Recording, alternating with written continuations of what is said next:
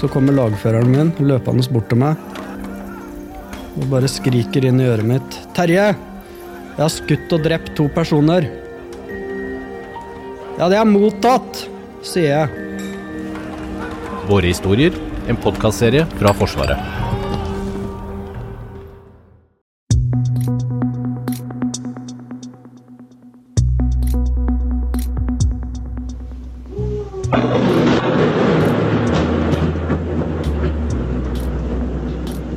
Senest i forrige uke ble det meldt om nye droneangrep i Russland. Droneangrep angivelig utført av Ukraina. Her eh, farges himmelen over den russiske byen Peskov rød etter at flyplassen i byen ble truffet av droner i natt. Men hvor vanlig er det egentlig blitt med droneangrep, og hvordan er det norske forsvaret rigga for dronekrig? Du hører på Forsvarspodden. Jeg heter Ragnhild Fjellro, og i dag er det mandag 4. september. Lars Hallingstorp. Hei, hei. Hei, Du jobber jo her i Forsvarsbåten. og du har jo som mange av oss eh, fulgt med på nyhetsbildet om krigen i Ukraina og fått med deg de her droneangrepene.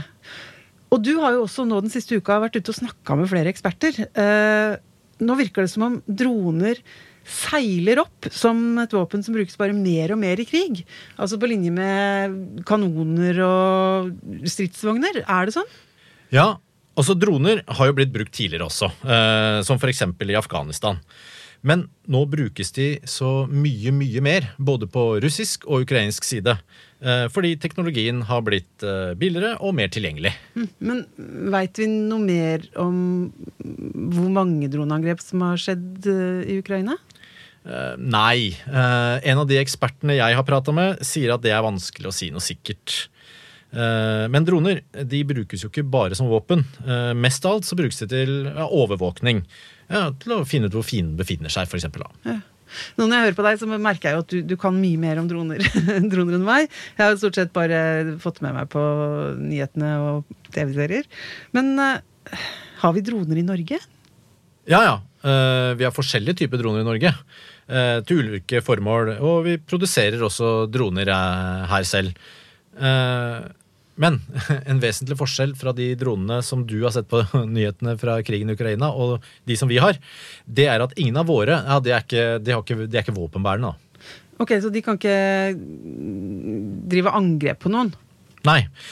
Eh, dronene i Ukraina har kanskje med seg en granat, eh, som den skal slippe over en eh, skyttergrav, og så fly av gårde igjen. Eh, eller det kan være såkalte selvmordsbomber, eh, selvmordsdroner, som er da stappa med eksplosiver, og så styrer man drona rett og slett eh, inn mot en eh, stridsvogn eller en bygning, så den krasjer og eksploderer. Mens de dronene vi har, ja, de har kun kameraer og sensorer for å drive rekognosering. Som i overvåkning? Ja, nettopp. For å gi et oversiktsbilde. Men eh, jeg veit jo at forsvarssjefen han ønsker seg eh, nå framover mere, flere droner. Flere typer droner. Og noen av de ønsker han også skal være ja, våpenbærende.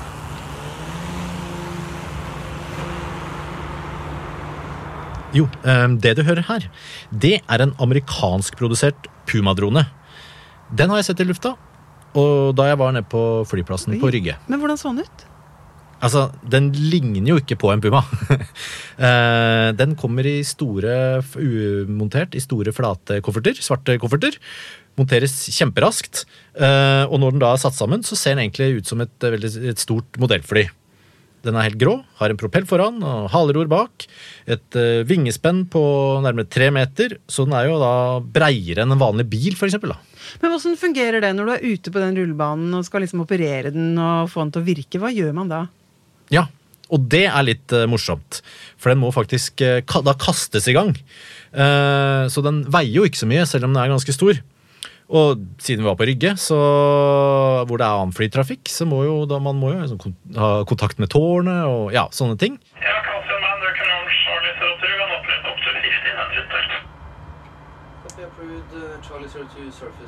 Eh, og så er det eh, to stykker som opererer den, det vil si at én kaster, da, og en som faktisk flyr drona med, med sånn joystick-aktig sak. Payload clear to install. Extending first bit pass.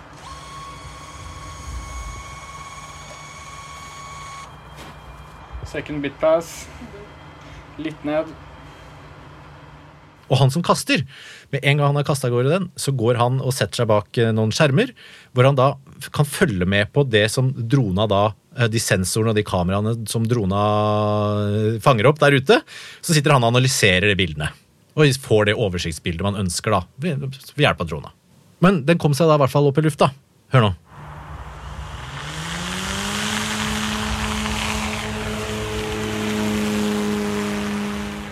Hører du? Ja. Og så prata jeg med han droneføreren der. Han heter Kristoffer Grønbekk og jobber ved Luftforsvarets flyoperative treningssenter. Og ja, Han forklarte oss litt mer om hvordan drona funker, da. Hva er det denne type drone kan gjøre for noe? Det er en uh, fikstving drone, altså som et vanlig fly. Uh, og den er kun bærer av et uh, kamera. Så den brukes rett og slett som en elevert sensor som du kan styre dit du vil. Da. Så det kan enten følge et bevegelig mål, eller det kan ligge og observere et statisk eh, mål eller område på bakken. og da, hva kan man gjøre med de dataene som den dronen her henter inn?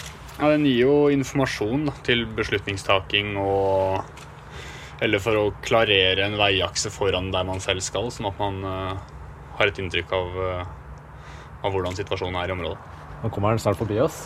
Ja, nå kommer jeg bare på en uh, lav passering, og så øker jeg høyden idet jeg passerer oss. da.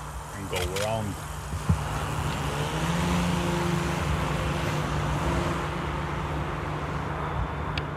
Copy 300. 300. 300.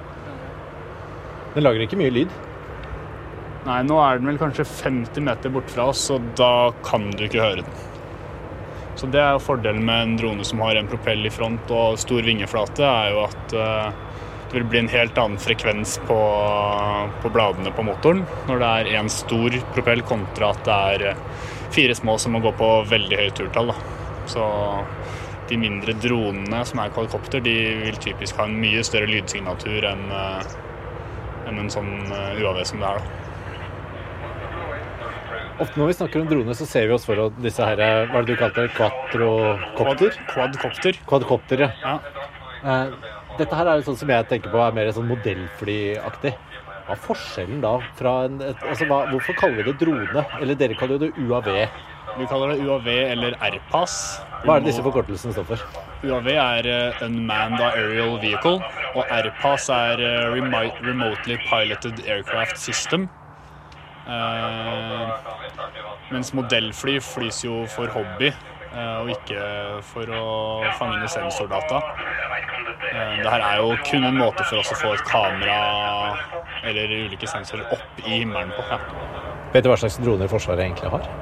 Ja, jeg har eh, kontroll på hvilke droner vi har, ja. Ja.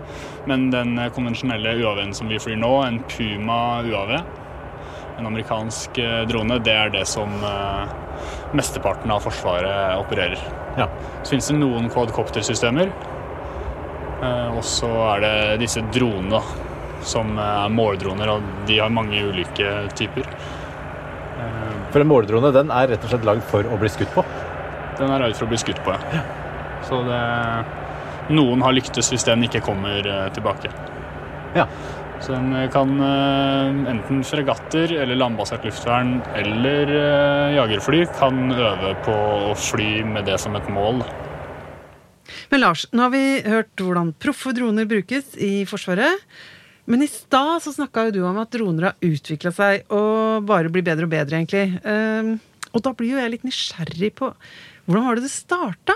Ja, og her er det jo en interessant sammenligning, for jeg var også innom eh, Forsvarsmuseet, eh, hvor, eh, hvor det sitter en historiker og filosof som heter Harald Høybakk.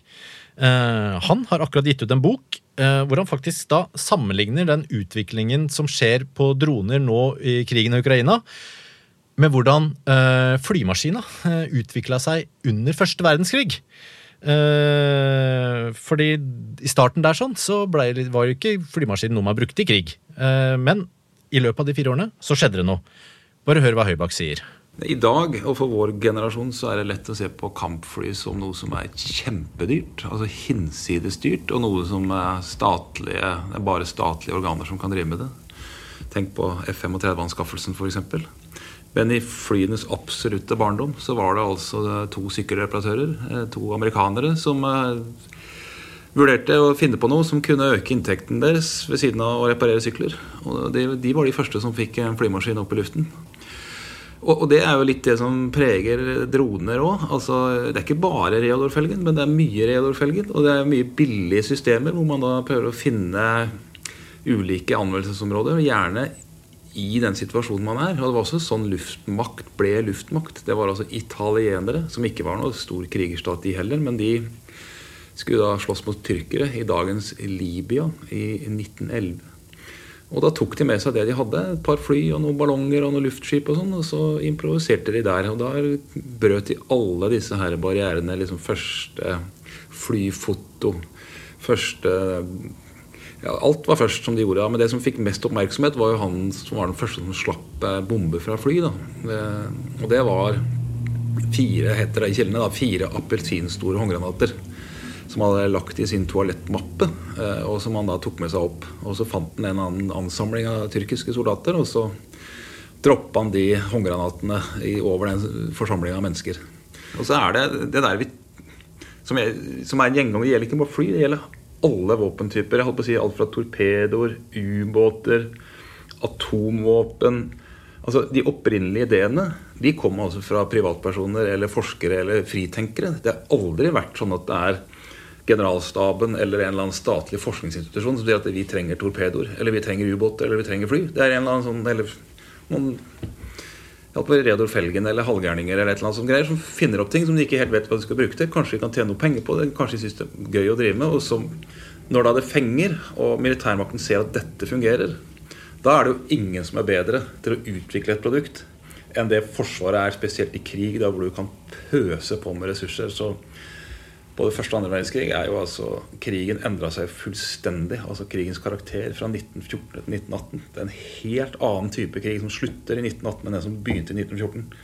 Stridsvogner, pigter og fly.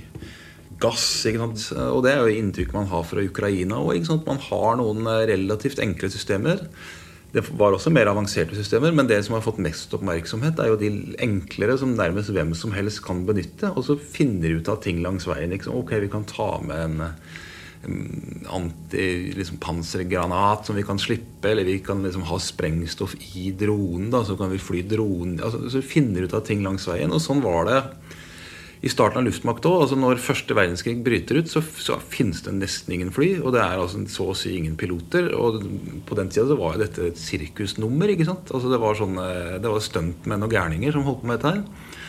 Og det var jo starten av første verdenskrig prega også. Altså, man skjønte ikke hva man skulle bruke dette her til. Og helt innledningsvis så var det som, som observatører da, som det var det viktigste.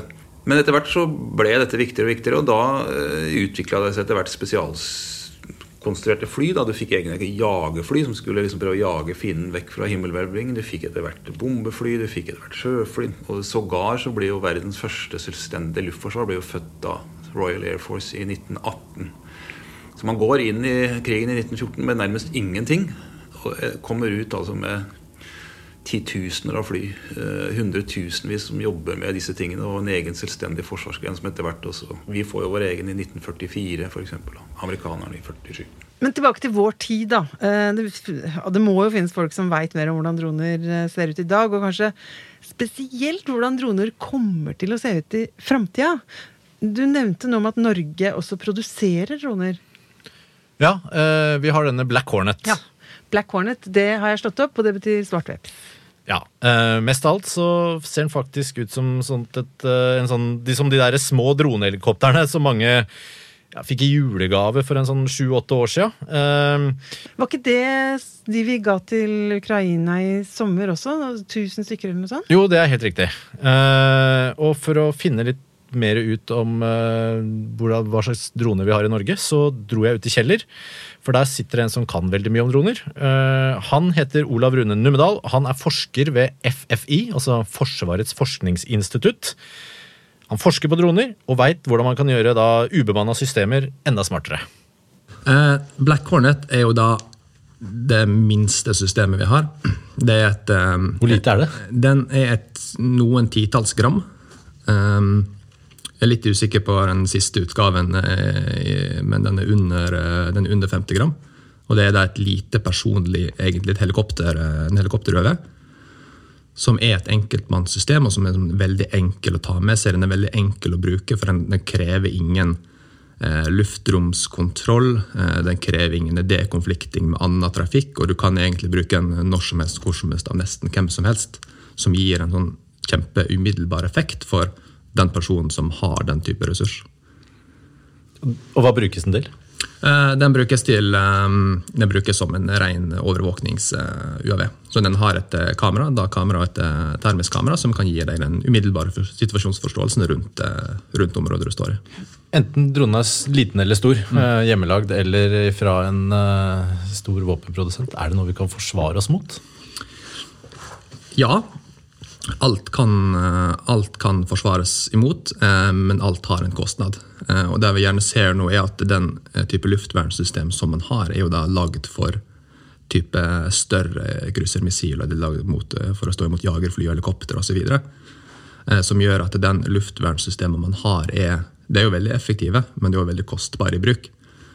Så det største utfordringen jeg ser nå, er at når du da får den type mindre billigere system som man kan skalere et antall på en veldig kosteffektiv måte, så blir det rett og slett ikke kosteffektivt å bruke et eh, moderne luftvernsystem mot det. Og, et luftvernsystem er òg en veldig begrensa ressurs, der gjerne prisen av en UAV koster plutselig en brøkdel av luftvernmissilet som du da gjerne ville brukt til å forsvare det mot. det. Og eh, dette skaper jo da en ubalanse i eh, beskyttelsen eller bruk av luftvern sånn som vi ser det nå. Men det er klart at det finnes, jo, det finnes motmidler mot UAV som alt mulig annet. Men eh, utviklingen og bruken av UAV har eh, hittil gått veldig mye raskere enn utviklingen av motmidlene. Som er det alltid man, eh, man streber etter, å være et, eh, foran fienden på bruken av eh, ny teknologi. Men tror du, tror du en drone på et tidspunkt fullt og helt kan eh, erstatte et kampfly og erstatte det å ha en pilot eh, i et fly? Skummelt tema. Eh, et, nei, jeg tror ikke eh, Jeg tror vi må holde kampfly litt utafor den eh, diskusjonen her. For eh, et kampfly er jo en eh, veldig høyteknologisk, eh, veldig kapabel plattform. eh, som har sitt bruksområde og også har sine egenskaper. Eh, den største egenskapen til en ubemanna farkost er jo nettopp det at den er ubemanna. Eh, og med, og, eh, det, det betyr at den har en viss eh, evne til å gjøre den expandable. Altså du kan, du kan ofre en UAV. Den, den har ikke, du, du kan utføre oppdrag med relativt høy risiko. Og det er egentlig kun materiellkostnaden som er den risikoen du stiller med. Et jagerfly med eh, sin kostnad og sin pilot har automatisk en høyere risikoaversjon. Og med en gang du lager en eh, UAV like kapabel som et eh, moderne jagerfly, så vil det også være like dyrt som et moderne jagerfly, og tilsvarende øke risikoaversjonen ved bruk. Så piloten vil alltid være Mennesket vil nok alltid være bedre enn eh, maskiner på enkelte ting, men ubemanna farkoster, sånn som vi ser det nå, med muligheten til å skyve kostnadsbildet nedover, eh, utløser egentlig en, en, en ny type um, en ny type egenskap som eh, man tidligere ikke har hatt. Ut fra den forskningen dere gjør her på Forsvarets eh, forskningsinstitutt, litt sånn kort oppsummert, hvordan blir morgendagens droner? Morgendagens droner blir eh, enklere å bruke. De blir mer utbredt. De blir eh, mer kapable, og de blir stadig i stand til å gjøre mer komplekse operasjoner med stadig enklere operasjonskonsept. Der fikk vi rett og slett en sniktitt eh, inn i framtida for dronene. Det er jo ganske, det er jo ganske spennende og litt skummelt eh, å se hvor mye droner som blir brukt allerede, og sikkert enda mye mer framover. Ja, det er jo det. Eh, og det ser jo ut som vi står i en brytningstid der krigen i Ukraina kan gi oss et lite glimt av hvordan droner vil brukes i framtidig krigføring. Så det blir sikkert ikke siste gang vi snakker om droner i Forsvarspodden. Nei, det kommer vi nok tilbake til flere runder. I denne utgaven av Forsvarspodden har du hørt klipp fra NRK Dagsrevyen. Forsvarspodden lages av Lars Hallingstorp, Thomas Haraldsen, Jørgen Lyngvær, Hege Svanes og meg, Ragnhild Fjellro.